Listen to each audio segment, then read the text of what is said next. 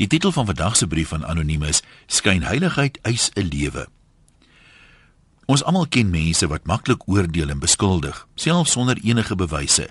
Maar hoewel hulle dikwels iemand se lewe versuur, is dit selde dat dit iemand se lewe kos. Op Vredesdag was daar twee berigte in die koerant wat met mekaar verband hou. Soveel so dat ek hoop 'n predikant gaan Sondag daaroor preek. Die eerste berig gaan oor jong mense wat al minder kerk toe gaan. Dominee Jaco Strydom van die Echo Jeugontwikkeling in Pretoria gee die volgende rede: Jong mense het 'n geweldige hunkering na God, maar hulle gaan soek nie na hom in die kerk nie. Dit is omdat die kerk 'n naam het as 'n plek wat verskriklik skynheilig is. Die ander berig gaan oor pastoor Andrei Meiburg van Nelspruit wat homself opgehang het by die einste AGS kerk waar hy 25 jaar lank 'n herder was. Sy eie gemeentelede was die oorsaak daarvan. Sommige het hom van nepotisme en wanbesteding van die kerk se geld beskuldig. Pastoor Meiburg het self gevra dat die kerk dit moet ondersoek. Intussen was die gemeente so verdeel dat talle die kerk verlaat het.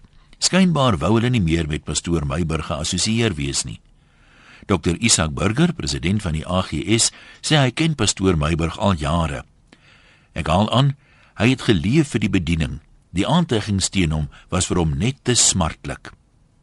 Nadat die kerk die beweringe ondersoek het, bevind hulle soos volg en ek haal weer aan: Geen oortreding van die AGS se grondwet of die gedragskode van pastore kon gevind word nie. Pastoor Meiberg is egter dood voordat hy die epos wat hom vryspreek kon lees. Nou wonder ek hoe voel die voormalige gemeentelede wat die beweringe gemaak het vandag? Voel hulle skuldig? Het hulle berou? Sal hulle twee keer dink voor hulle in die toekoms weer ongegronde beweringe maak? Of is hulle dalk so eie geregtig dat hulle steeds glo hulle was reg al kon die kerk geen bewyse vind nie? Hoor ek iemand sê dalk was dit net 'n tegniese punt waarop die pastoor losgekom het. Ek treur vandag oor hierdie gebeure en ook oor mense wat treur dat daar soms 'n bespotting van hulle geloof gemaak word.